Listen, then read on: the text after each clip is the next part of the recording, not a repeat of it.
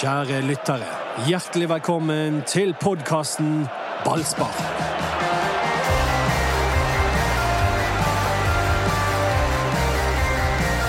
Da er vi klare, Erik. Dette- Endelig! Endelig eh, så er det mytteri på det igjen. Mens eh, de fast ansatte kan eh, De har ferie, De har ferie. Mens vi løsarbeidere alltid må være på jobb. Men det trives vi med. Ja, vi trives veldig godt med det. Vi, Tenk og at- under det, Anders, de, de jobber såpass hardt at de er nødt til å si ferie. De jobber knallhardt. Men eh, det, det morsomme er at jeg kalte dette jobb. Det var også en annen sak. Men, eh, men eh, i Mytteripodden så får jo vi lov til å invitere hvem vi vil. Eh, og i dag har vi jo fått med oss en, eh, en kanongjest som Som Han gjesten og meg var jo på besøk hos deg i Bari, husker du det? Ja, jeg husker det at han har, eh, har vært på besøk der nede når dere var der òg, med BT, var det vel? Ja. Jan, nå kan du få, få lov til å presentere deg sjøl. Nei, eh, Mons Ivar Mjelde heter jeg. Eh, 51 år. Klart nå. Trener i Brann, vant gull. Fokus, innsats, spilleglede, har jeg sagt til spillerne. Det sa jeg til Erik. Må eh, jobbe med arbeidsoppgavene, utfordre én mot én. Han er ikke en stor eh, målskårer, men han han er en viktig mann for laget. Nei, Jan Henrik Børsli fra Børsli. TV 2 Sporten. TV 2-sporten. Du jobber til dagen med Premier League. Det, litt sånn eh, ja, ikke så spennende liga som uh, Eliteserien, men eh, Hvis du har hørt på denne podkasten, så ville ikke du vært så fornøyd med, med Doddo, for han prøver å Slakter han Premier Ja, han prøver å tappe, da. Ja, du- tappe TV 2 for seere, for han mener jo bare norsk fotball som gjelder! gjelder! men hør da. Du må altså, være litt ærlig når og si at eh, under pandemien, når det ikke er publikum på de der kampene, så Ja, ja, har ja. kvaliteten falt noe. Det Underholdningsverdien. er mange ting som har skjedd med Premier League det siste eh, året med, med under pandemien, så det er det jo ingen tvil om. Eh, og nå er de jo så slitne der borte at eh, de knapt nok klarer å stå på beina, for de har spilt så mange kamper. Så, Men tenk å ikke ha Premier League i denne perioden.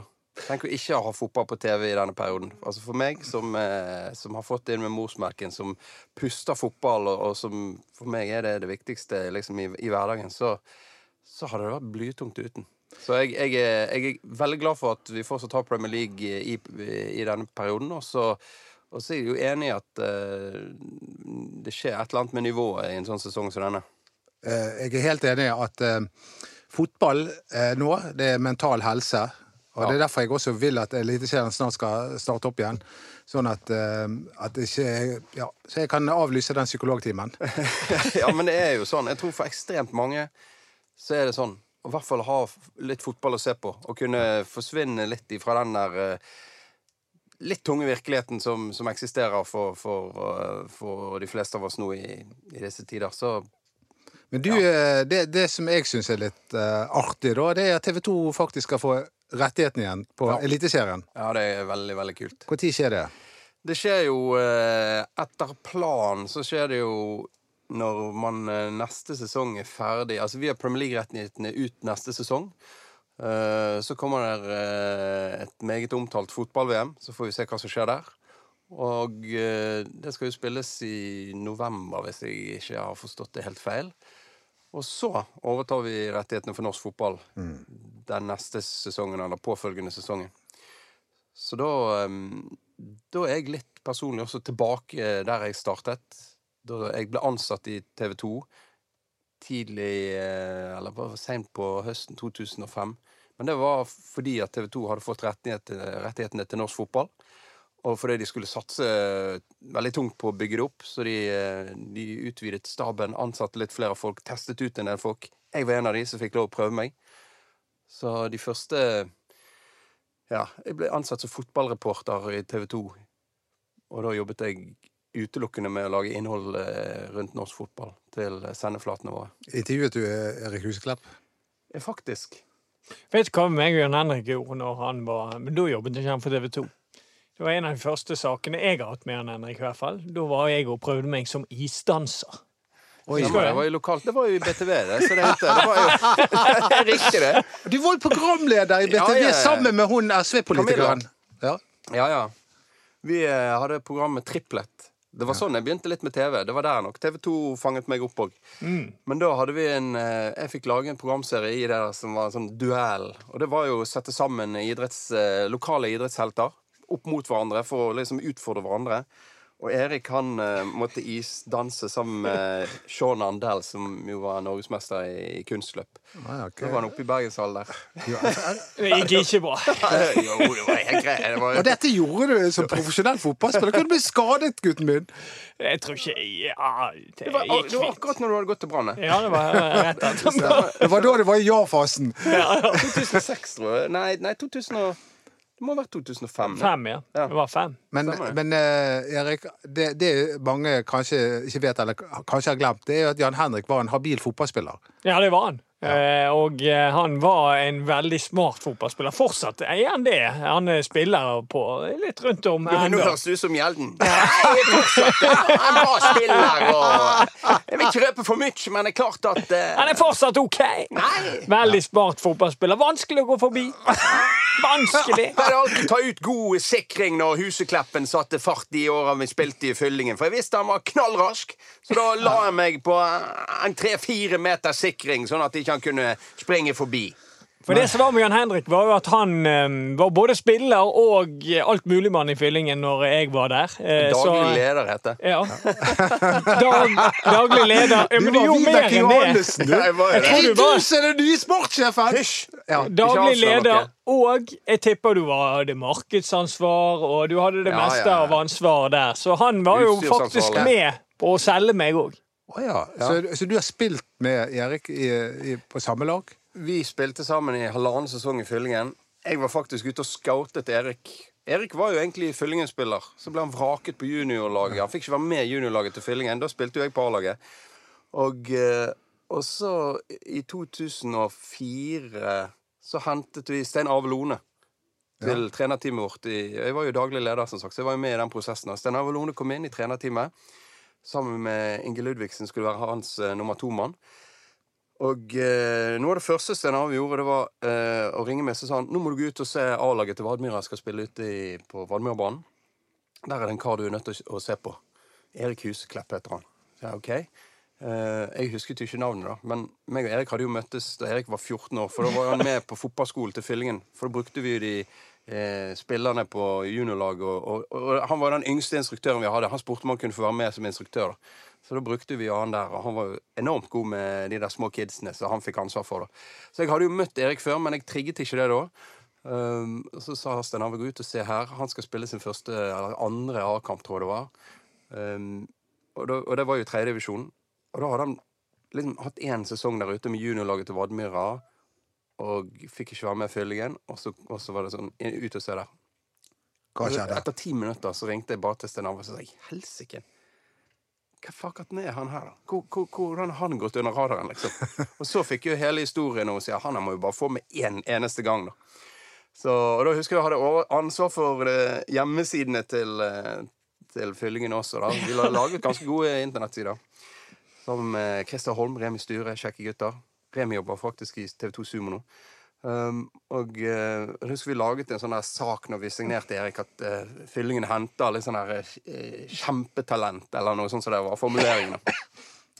Og da var meg og Sten Arve Inge, og vi møtte Magnus Johansson, som var trener for Løvam, på et sånn her annendivisjonsseminar, husker jeg. Og Mag det var jo litt sånn kjekling mellom Fyllingen og Løvam, da. Og da husker vi satt og spiste middag, og, så, da sa liksom Magnus hvem, hvem Han hadde lest denne saken, da.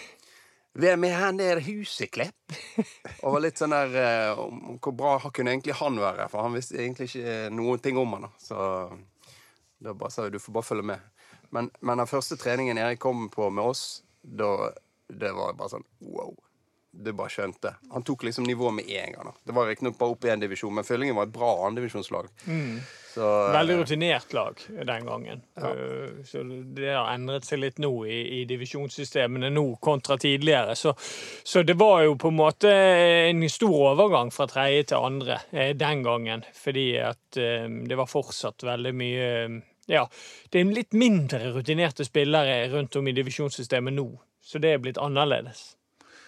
Men du, eh, ditt, ditt største øyeblikk eh, som Fyllinge-spiller, i hvert fall i mitt minne, det er når du nesten skårte. Ja, mot Brann. Den er jo kjempegøy! Ja. For denne tuller jo meg og Jan Henrik med hele tiden.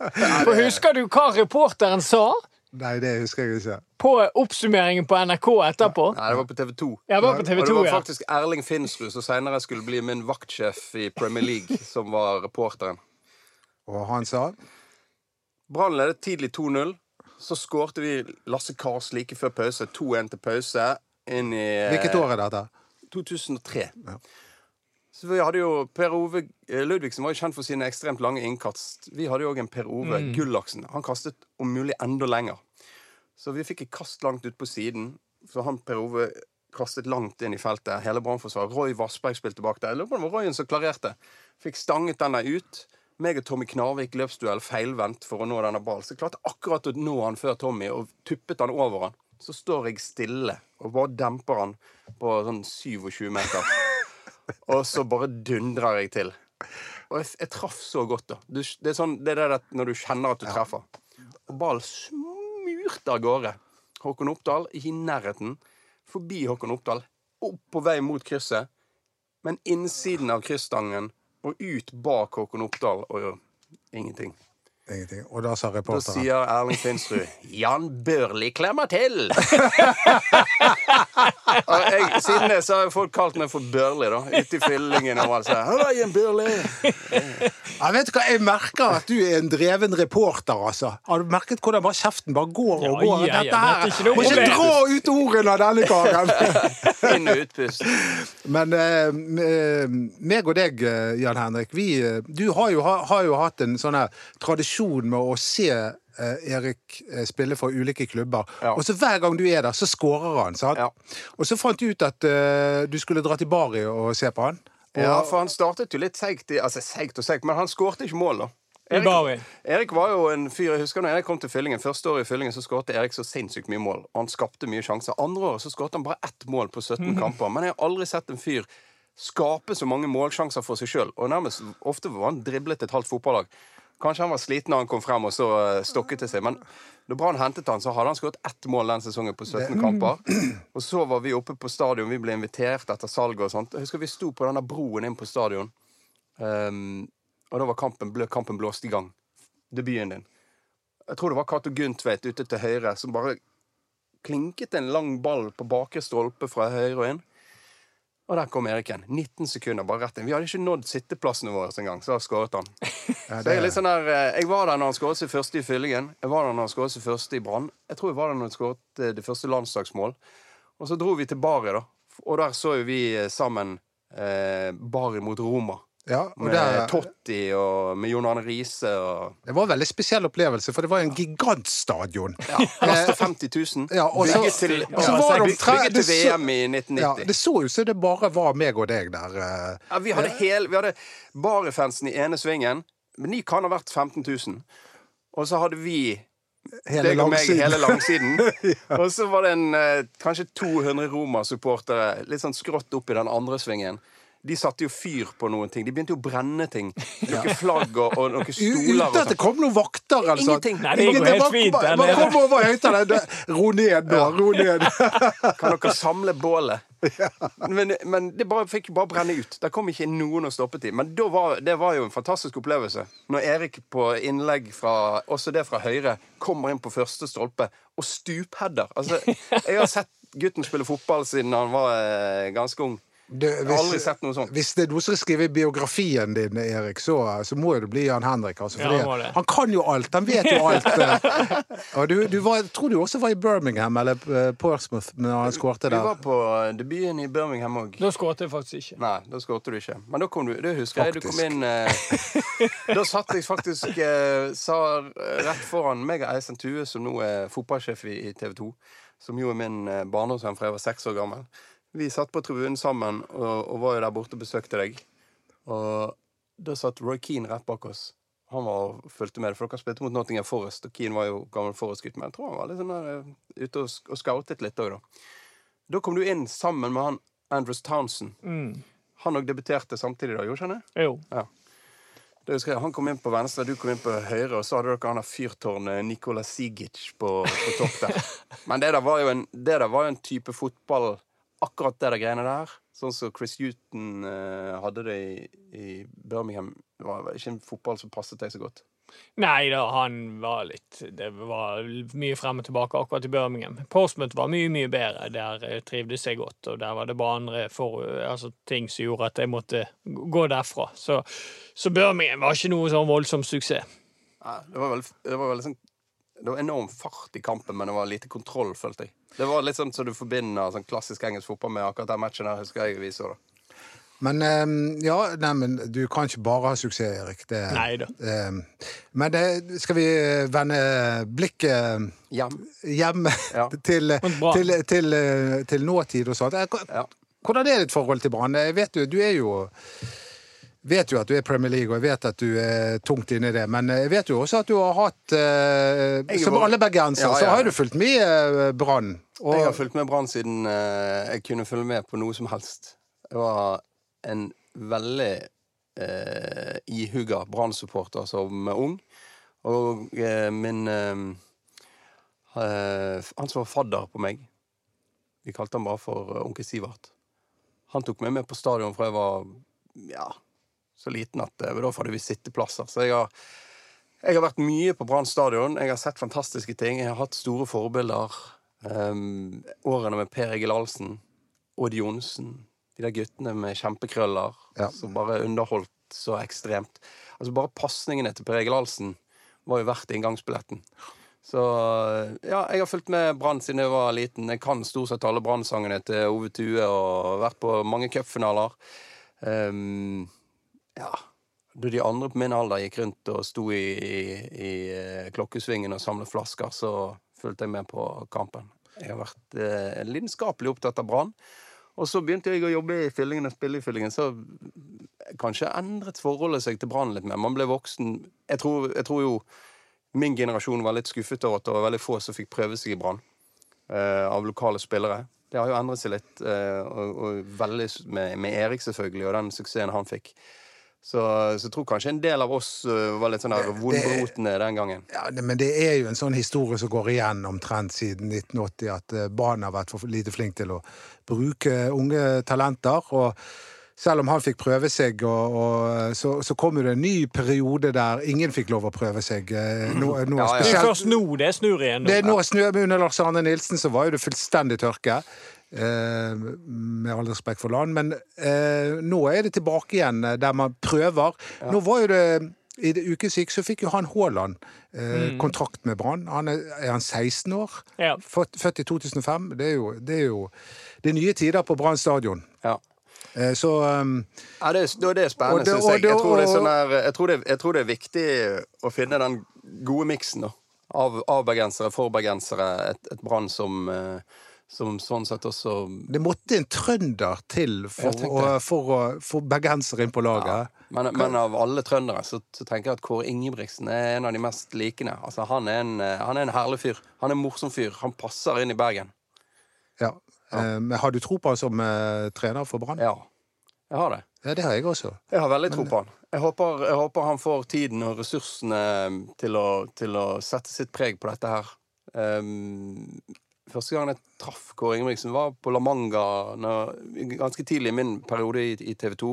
Da var, jo, han gjorde jo veldig gode ting med Bodø-Glimt som, som trener. Underhold, fartsfylt eh, angrepsfotball. Um, alt det han har med seg fra tiden eh, i Rosenborg, alt det han har lært under Nils Arne Eggen, eh, de spillerne han spilte med. Så eh, han har utrolig mye fotball med seg på veien. Han er en ekstremt kunnskapsrik mann. Eh, og så er han uh, Han er en, en, han er en herlig fyr. Han er en morsom fyr uh, som jeg tenker kan skape trygghet og trivsel på stadion.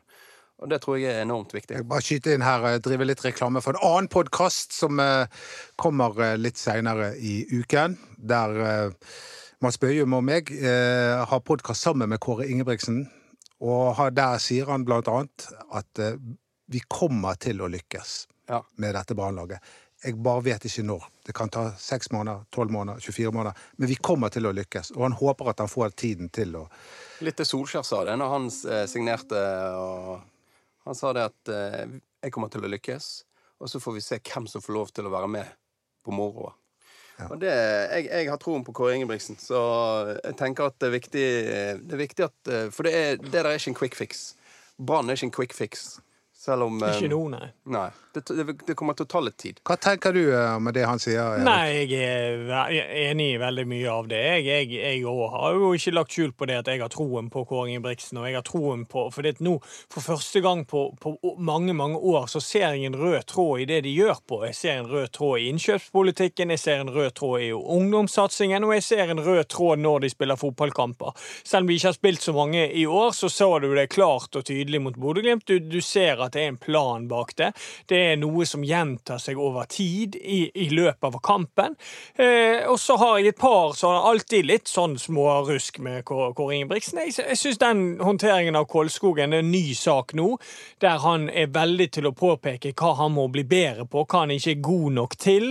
Eh, der syns jeg han skal trø litt varsomt, at ikke det blir en sånn, for det var noen saker i fjor høst òg med, med Kolskogen, hvorfor han ikke spilte, og eh, det ryktes litt at det forholdet ikke er like bra. Eh, der syns jeg at han må være litt mer forsiktig, heller bygge opp de enormt gode egenskapene Kolskogen har, og bygge på den godfotteorien, istedenfor å litt for ofte påpeke hva han mangler. Ja, men jeg, jeg er for så vidt enig i det du sier der, Erik. Men samtidig så må jeg si at jeg liker denne tydeligheten til, til Kåre. Han pakker ikke inn ting eh, og sier at selv om og, Kolskogen Ja, han var, han var bra i fjor, det var flott med en eh, nykommer, men han det gjenstår masse før han kan bli en topp elitespe- eliteseriespiller. Hva tenker du om eh, hans mo- metode på å takle ungdommene, med både løfte opp og, og, og gi dem kritikk? Jeg tror det er helt avgjørende å, å behandle folk eh, individuelt. Og eh, noen, noen tåler jo en type tilbakemelding, andre gjør det ikke. Så jeg tenker som, som trener så er det jo din jobb å klare å identifisere individene, sånn at du forstår hvordan du skal håndtere Um, jeg hørte akkurat et, et intervju, det var kult. Gary Bailey var keeper i Manchester United uh, tidlig på 80-tallet. Uh, og han fikk stå så lenge at uh, han spilte fem kamper under Alex Ferguson da han kom inn i 1986. Jeg hørte et intervju med han, han fra Sør-Afrika. Eh, ganske herlig fyr, reflektert type, som fortalte om Ferguson sitt inntog, og, inntog, og det der hårføneren som han var kjent for. Ja. Og, og da hadde han eh, Det var i forbindelse med en kamp hvor Bailey hadde gjort en tabbe. Eh, og så var det en forsvarsspiller som var involvert også. Kom inn i garderoben, og, og, og så snakker Ferguson først til Gary Bailey, sier et eller annet til han. Og så tok han han andre, og så bare klinket han han med en, en sånn tordentale, da. Og så hadde Gary Bailey spurt Ferguson etter, for han, eh, han forlot Manchester United. Da sa han truffet han liksom senere. Så han konfronterte med det øyeblikket og spurte hva var liksom Hvorfor tok ikke du meg? Det var jo min feil. Og så sa han akkurat det der. Du må behandle folk forskjellig. Det er noen som kan ta den, og så er det noen som ikke kan ta den. Så det var liksom Og der er du inne på noe med at disse guttene som har spilt i Åsane, Kolskogen, Blomberg og, og Wolfe, alle de tre spillerne framstår med en vanvittig selvtillit. Eh, som, jeg, vet, jeg vet ikke hvem som har lært det, men det, det virker som de tre gutta der tåler litt mer enn en sånn gjennomsnittlig ung spiller. I tillegg så har de fått med seg eh, han eh, mentale treneren Jørgensen, som det, som det står om på BTNO. Sånn at det virker som han har en plan på det også. Ja da, altså alt virker altså, Brann som klubb nå virker så ekstremt mye mer planlagt nå eh, rundt A-laget enn det gjorde for ett år siden. Det er ikke til å stikke under en stol. Nå, eh, altså, nå ser du at man prøver å sette sammen noe, og man prøver på en måte å få hele klubben og hele teamet rundt A-laget til å dra i samme retning. Det var ikke tilfellet i fjor. Tenker du at det er Ingebrigtsen sitt produkt? Altså det, er, det er han som kommer inn og sørger for at det blir sånn? Det, ja, altså, det er nok flere òg, Erik Horneland og andre rundt i teamet der, som er, er viktig for akkurat det arbeidet der. Men eh, det er, det er jo derfor jeg ikke tror på det Anders tror på, at eh, Brann kommer til å være et bunnlag denne sesongen. Jeg tror at de bygger et fundament nå som gjør at Og nivået på Eliteserien er ikke så høyt at at eh, jeg ser at de har noen mangler i laget, men jeg tror at med stil og med måten de gjør det på nå, så tror jeg de kommer til å gjøre det bedre enn i fjor. Og det er han som lar eh, Horneland får lov til å skinne også på, på treningsfeltet. Det skal ikke vi glemme. Og så er han som knaller på dette med 4-3-3. Og den store mentoren for å bare legge til, til eh, Kåre Ingebrigtsen er faktisk ikke Nils Arne Eggen, men Bjørn Hansen, som var assistenttreneren til eh, til Nils Arne Eggen i mange år, og for Drillo. Eh, Så det er det som Men han er alt han jobber med på feltet, og mentalt, alt mulig, det handler om at de skal finne sin rolle i dette 4-3-3. Det, ikke, det er ingenting som er overlatt til, til eh, tilfeldighetene. Ja, det, det, det kan jo han ekstremt godt fra den tiden der oppe. Og, og, og det er jo Sånn var det jo med denne duoen Eggen og Bjørn Hansen òg, at det var liksom folk som utfyller hverandre. Så han, han må ha det på plass. Han må ha et team på plass. Eh, jeg ser det i Europa òg, hvordan ledes en trening. Eh, jeg, var, jeg, var på, jeg var på den siste treningen til Liverpool inne på stadion før Champions League-finalen, da Liverpool slo Tottenham. Og så Liverpool sin siste trening, hvor Jørgen Klopp også bare stilte seg opp uh, og så på. Mens en av assistentene hans uh, med enorm tyngde var inne og ledet en høyintensitetsøkt. Den varte ikke veldig lenge, men det var så trøkk, da. Han var inne uh, og, og bare coachet tight hele veien. Så det der eh, Det, det er litt sånn Brann driver med nå. Jeg har vært på mange Brann-treninger i år, og det er Horneland som bare styrer det knallhardt. Og når det er pause, så kommer Kåre Ingebrigtsen og, og, og me- melder par før det er tilbake igjen. Spiller ofte på små flater, høy intensitet, som du sier. Og samtidig som de er utrolig var på dette her med skader. At de, de te blir testet for belastningsskader, alt mulig, for, alt mulig for å unngå skader. Hvilket de så å si har klart også. Men, men det der, altså Poenget med Kåre Ingebrigtsen og, og grunnen til at jeg har troen på han, er referanserammen hans. Tingene han har vært med på, tingene han har sett, måten han forstår fotball For fotball er et fag, og det er et fag Kåre Ingebrigtsen behersker veldig godt. Så han vet veldig mye om hva som skal til for at Brann skal bli god. Han vet veldig mye om hva enkeltspillere trenger for å bli god. Uh, og så kan han selvfølgelig mye om sin idé, sin filosofi, og hvordan det skal uh, gjennomføres. Og så, må, så er jo spørsmålet kan Brann som klubb tilrettelegge for det. Får han de fasilitetene som han trenger? Altså igjen, For meg jeg har jobbet mye med norsk fotball i mange år i TV 2, for så å jobbe med engelsk fotball, og reist mye over og besøkt klubbene der borte, vært på innsiden, sett på fasilitetene de har tilgjengelig, sett på nivået de holder på med. Snakk om å teste spillere og sånt. Når Manchester City-spillerne kommer inn på det der eh, gigantiske treningsfeltet sitt med 16 fotballbaner. Der er det en egen stadion med plass til 7500 tilskuere. Der er det en innendørshall med kunstgress. Der er det tolv gressbaner som ligger helt strøken hver eneste dag. Der har de et apparat, et støtteapparat rundt spillerne som er så mange at når de skal dele ut de der medaljene etter sesongen, så kommer det 50 stykker på rekke og rad inn der og skal få sin medalje også. Så eh, det er nivået det, det liksom, Der ligger listen på verdens beste. Og, Og det er jo eh, det som frustrerer han her i Bergen. Og, og da Ja, da. er vi tilbake på den. Nå skal ikke vi ta den debatten, Erik, med kunstgressdebatten, eh, men det har frustrert han grådig at, eh, at forholdene ikke blir lagt til rette. Ja, for det, det, hva, hva er det viktigste du trenger som fotballspiller? Det er en, det er en fotball, det er fotballsko, og så er det en god bane. Og så er det et, en, en, en god trener, på en måte. Ja. Det er de viktigste ingrediensene hvis du skal bryte det helt Ja. ned til basic. da. Og en god sportssjef. Og det også er litt spennende nå, da, fordi at eh, jeg vet jo at at Kåre Ingebrigtsen har sterke meninger om hvem som bør være sportssjef. Jeg jeg tror ikke han på en måte Jeg vet ikke hvor mye involvert han er i denne prosessen, eh, men jeg tror ikke han på en måte godtar hvem som helst. Han liker ikke å bli styrt hardt. Han har ikke spurt meg. Nei. Men, Nei, men samtidig er jo det der altså det der er en balansegang, fordi at um, Ja, Kåre Ingebrigtsen skal ha, ha noe han skulle sagt i den saken. Han må få komme med sin mening, men den må ikke være ah, helt og totalt avgjørende. For det er ikke en trener som skal velge det. En sportssjef skal ofte sitte en del lengre enn en trener, så en trener kan ikke velge de premissene. Han kan selvfølgelig komme med sine kriterier og sine ønsker, men det er Brann som klubb som til slutt må ta den avgjørelsen, fordi at det har de gjort så mange ganger før.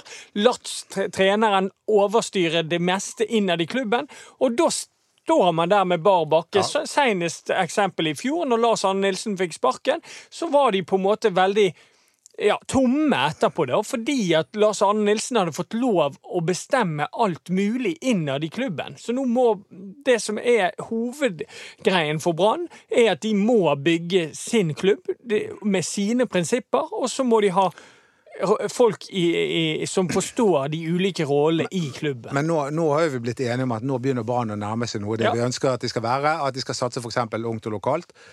Eh, og, og da vi, vi, håper jeg at de tar inn en sportssjef som tenker i de samme baner. At ikke han kommer med noe helt annet igjen.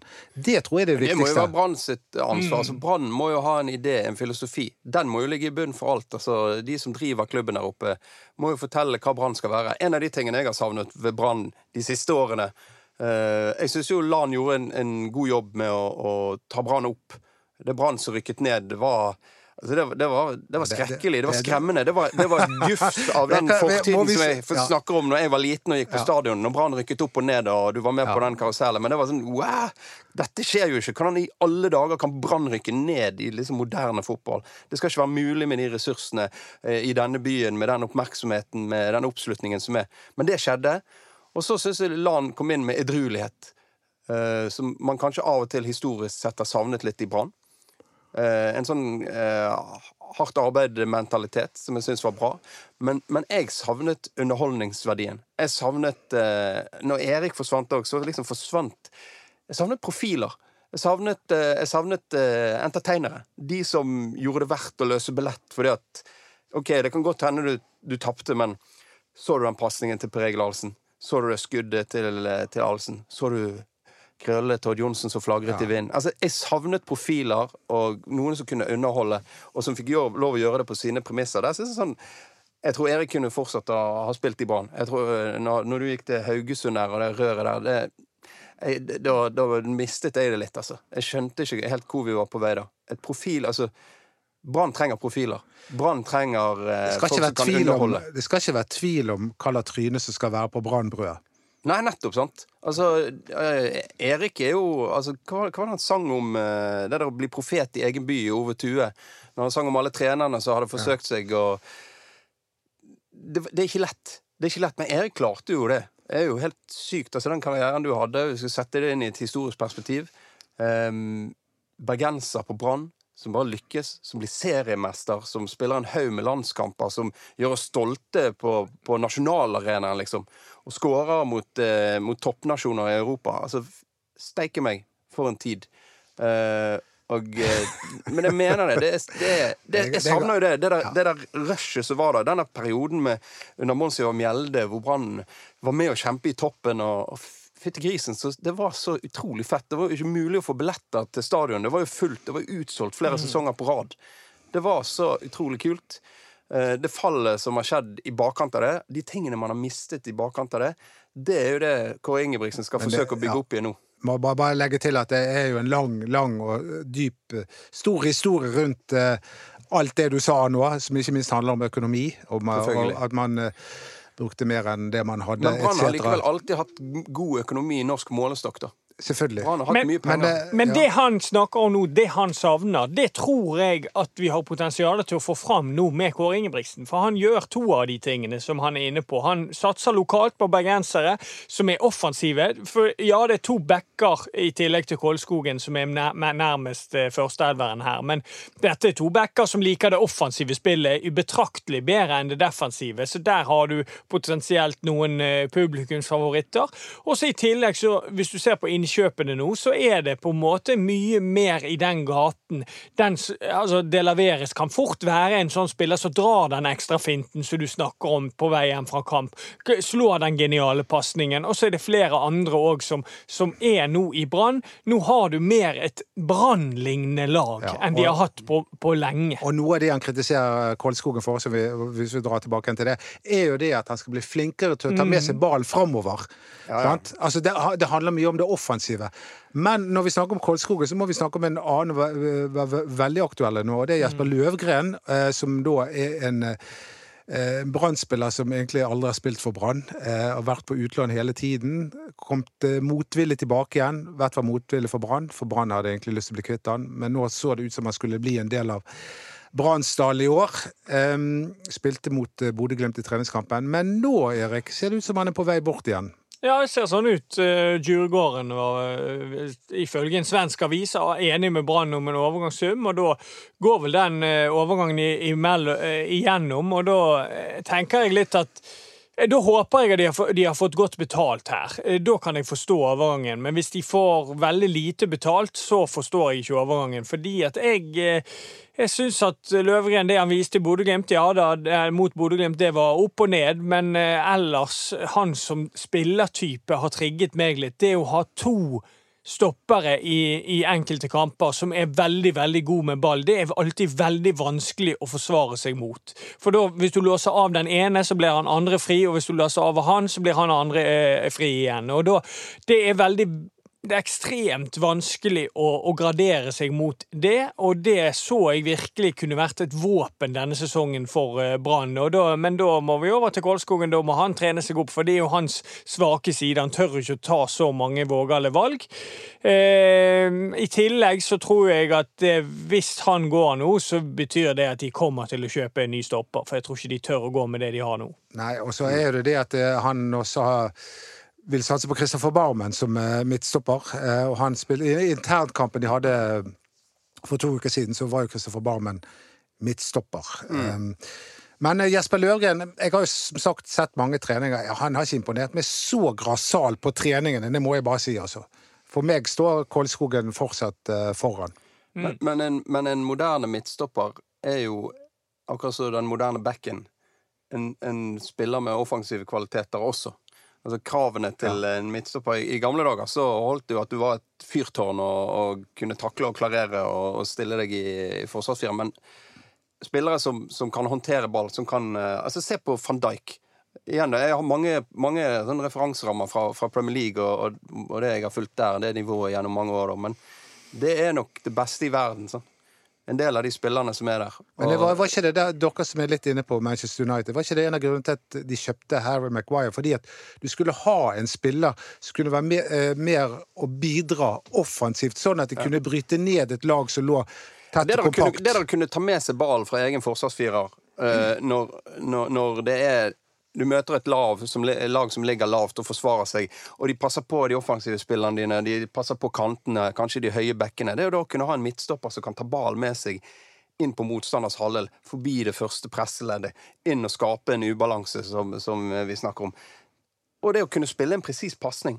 Altså, jeg, jeg har sittet eh, og sett Pep Guardiola coache John Stones når Guardiola kom til City, og piske han fyren der igjen og igjen og igjen under kamp fordi at det han gjorde med ball, var for dårlig. Valgene han tok, kvaliteten på pasningene han, John Stones han var et aspeløv utpå der. Men han har fått han til, da. John Stones nå det har tatt sin tid, men, men nå er det en John Stones som Og han er fortsatt ung. ja, han er fortsatt ung, men han er blitt moden. Det har tatt litt tid. Nå gjør han det på en helt annen måte, men de der første sesongene Guardiola var ganske knallhard med han, eh, og, og satte skapet på plass at dette er ikke godt nok. Og jeg, jeg, så, jeg kunne se det på fyren ute på banen der, at han var shaky. da. For han var ikke en sånn han var ikke en sånn fyr som du forbandt med å være veldig sånn Han var ikke en kapteinstype. Han var ikke Han, var ikke, han utstrålte ikke en enorm sånn selvtillit, da. Men, men jeg tror han måtte bryte han ned for å bygge han opp. Uh, det, men jeg tror i hvert fall at for, for Brann sin del Spillere med, med, med den type internasjonale ferdigheter. Du må ha en midtstopper også som kan, kan bidra offensivt. Ja da, og der skal ikke vi glemme at Kolskogen har mye av det der i seg. Jeg tror det ligger veldig veldig mye i hodet til Kolskogen å tørre å ta den ballen med seg forbi et ledd, og tørre å ta de vanskelige valgene. Det er der det ligger, for ballferdighetene har, han, og han kommer fra et eh, Åsane-lag som er allergisk mot å løfte ball, og de skal spille seg ut for enhver pris. Så, så Kolskogen har egentlig mye av dette inni, men det, han er nødt til å våge mer i spillet sitt, og det, det er jeg helt overbevist om at de jobber med daglig der oppe på Brann stadion nå. Hvem skal skåre målet? Der er du inne på neste store sak denne uken. Det er jo da at uh, Dauda Bamba har bestemt seg for å ikke skrive inn uh, ny kontrakt med, med Brann, sånn at Brann da er interessert i å selge han til sommeren. Og kanskje går han før også, for alt jeg vet. Um, en ting er vet var sikkert at han har vært en betinget suksess, hvis man skal kalle det en suksess. Um, Han skårte ti mål i fjor, men jeg tror fem av de kom mot Ålesund.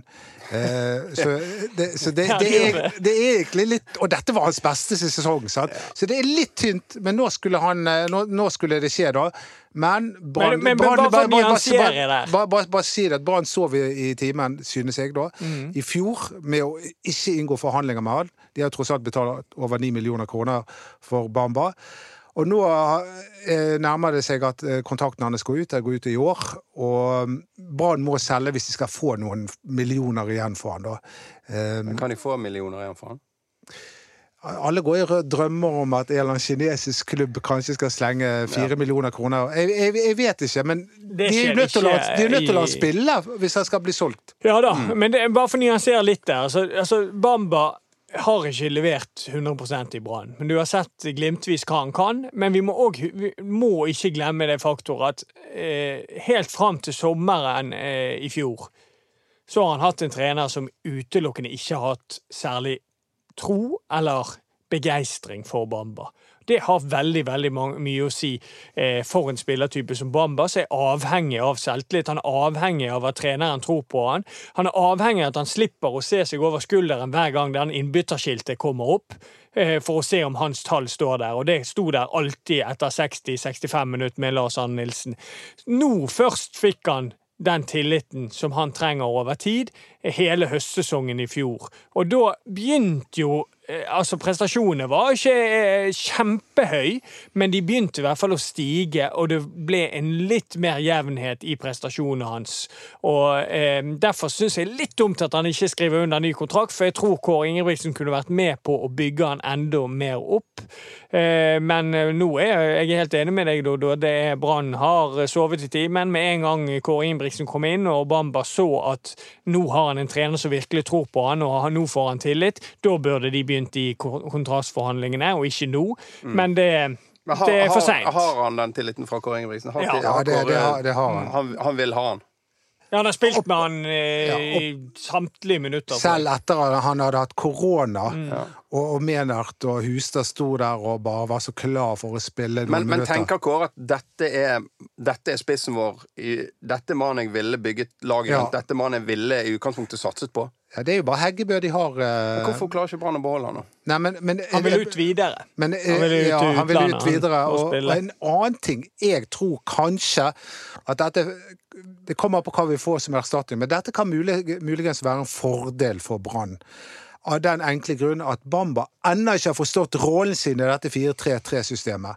Og det at han vandrer så grådig mye. Men han er ikke 4-3-3-spiss. Det er Nei, det som er poenget. ja, ja, ja, ja, han, han passer ikke i, i dette Nei. systemet. Men hvis han Og- ikke og jeg er det, tror hvorfor også vil at- Kåre ha han? jeg tror også at en del spillere Jo, er litt frustrerte at- over at når de skal legge inn, så eh, Hvor er det spist nå, da? Ja.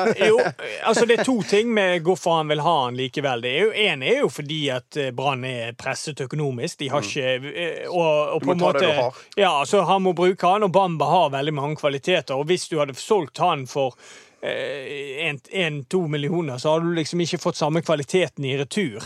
Eh, så derfor satser han på han. Eh, Pluss en siste ting må jeg si. har, Han har ekstrem fart. Ja. Dette fikk jeg bekreftet fra banen. Han er Branns raskeste spiller. Han er raskere enn Kolskogen. Mm. Altså Det er på sånne Mbappe-nivå nesten, når han kommer opp i toppfart. Og, og, og Kåre Ingebrigtsen tror sikkert at hvis jeg får litt tid med han, så kan jeg Ja. få han på plass.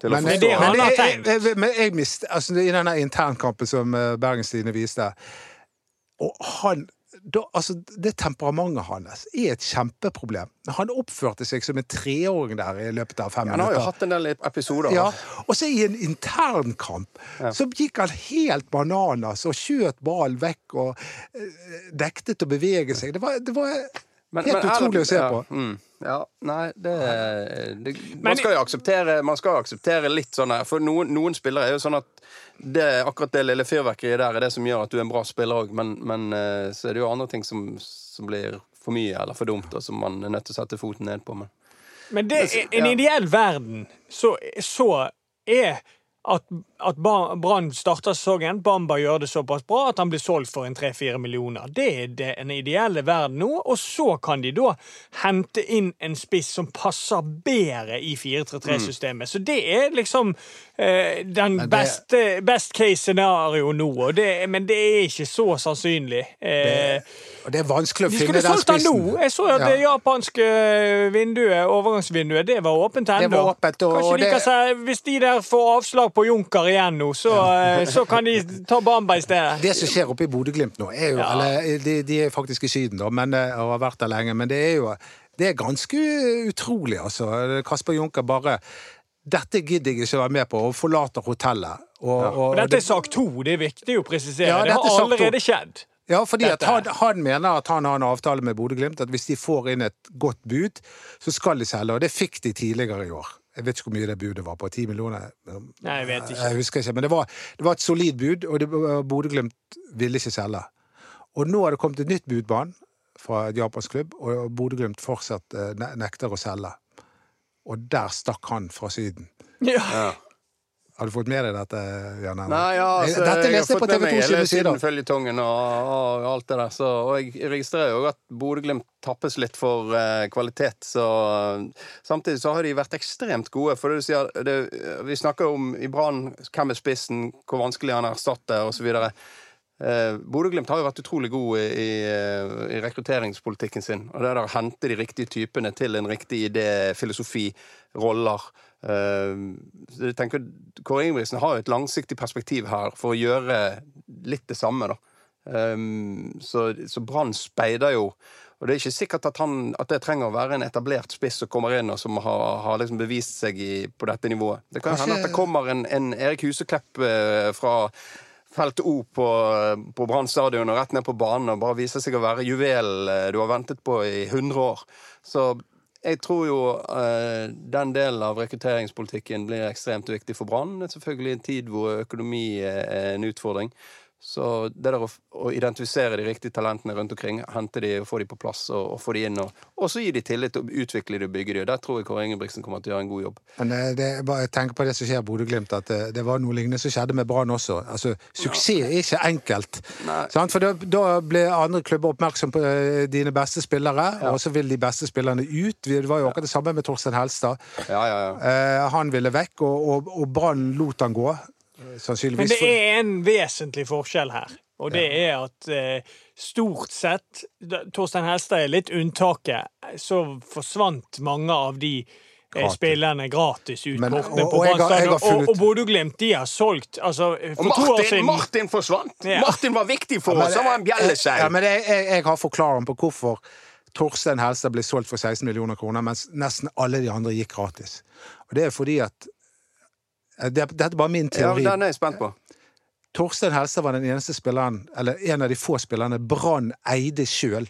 Alle de andre var eid av hardball, og de lot de gå for lut og kaldt vann. Mens de de eide sjøl, de, De vernet- de godt.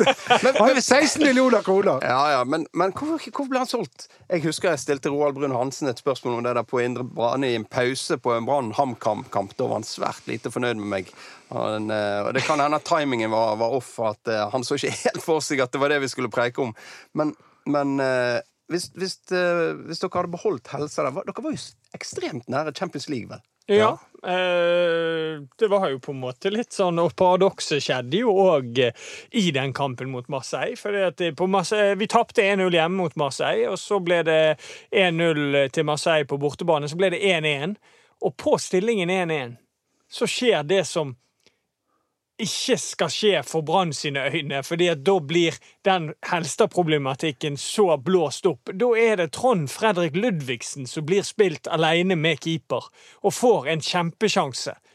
Og så bommer han. På stillingen 2-1 så hadde Brann vært videre, eller hadde vi vært videre til Champions League. Og, Og hadde Helstad vært der? Ja, og det er jo da, da kommer spørsmålet. Hadde det vært Torstein Helstad? Ja. Eller Trond Fredrik i glansdagene i Bodø-Glimt, hvor han var helt enorm.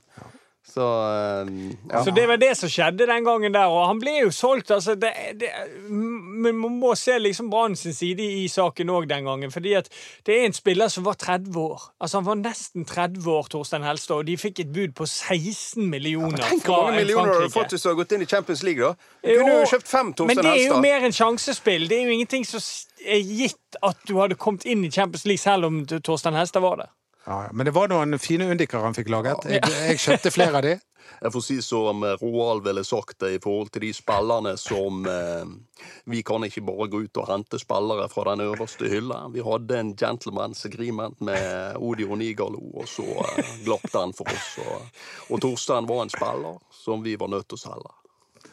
Roald Brun Hansen. Vi savner han også. Det har vært mange herlige personligheter. Eh, takk skal du ha for den, Jan Jan Ja, den bare Henrik. kom, den kom Eh, inn med. det- Den eneste, det er ikke sånn Han er en enorm imitator. Ja, men den er ikke så bra, den. Men den men er, tenk du skjønner hvor Ja, Vet det du vet hvem, vet hvem han er best på? Nei. Van Gaal.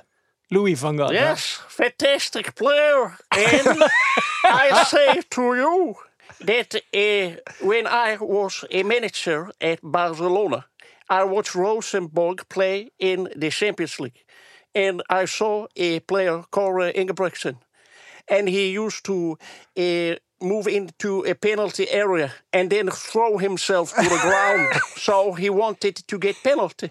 So, yes, you understand what I say?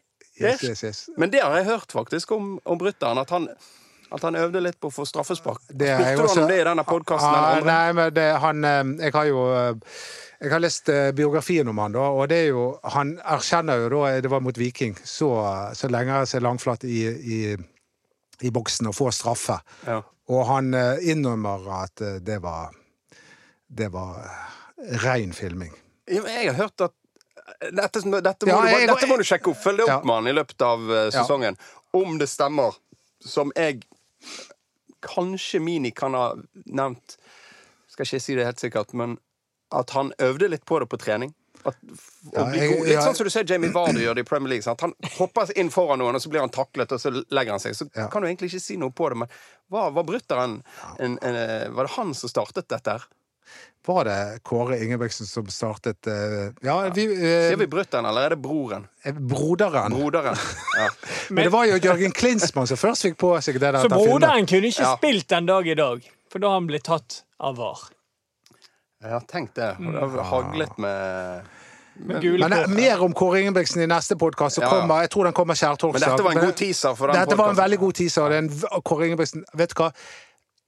Altså, når han snakker Ja. om Brann spesielt det er musikk i ørene mine. Det, han er så flink. Ja. Det er så tydelig. Det er så profesjonelt. Han har tenkt på alt! Men han er, du er jo en god menneskekjenner, Doddo, og, og du er glad i, fine folk.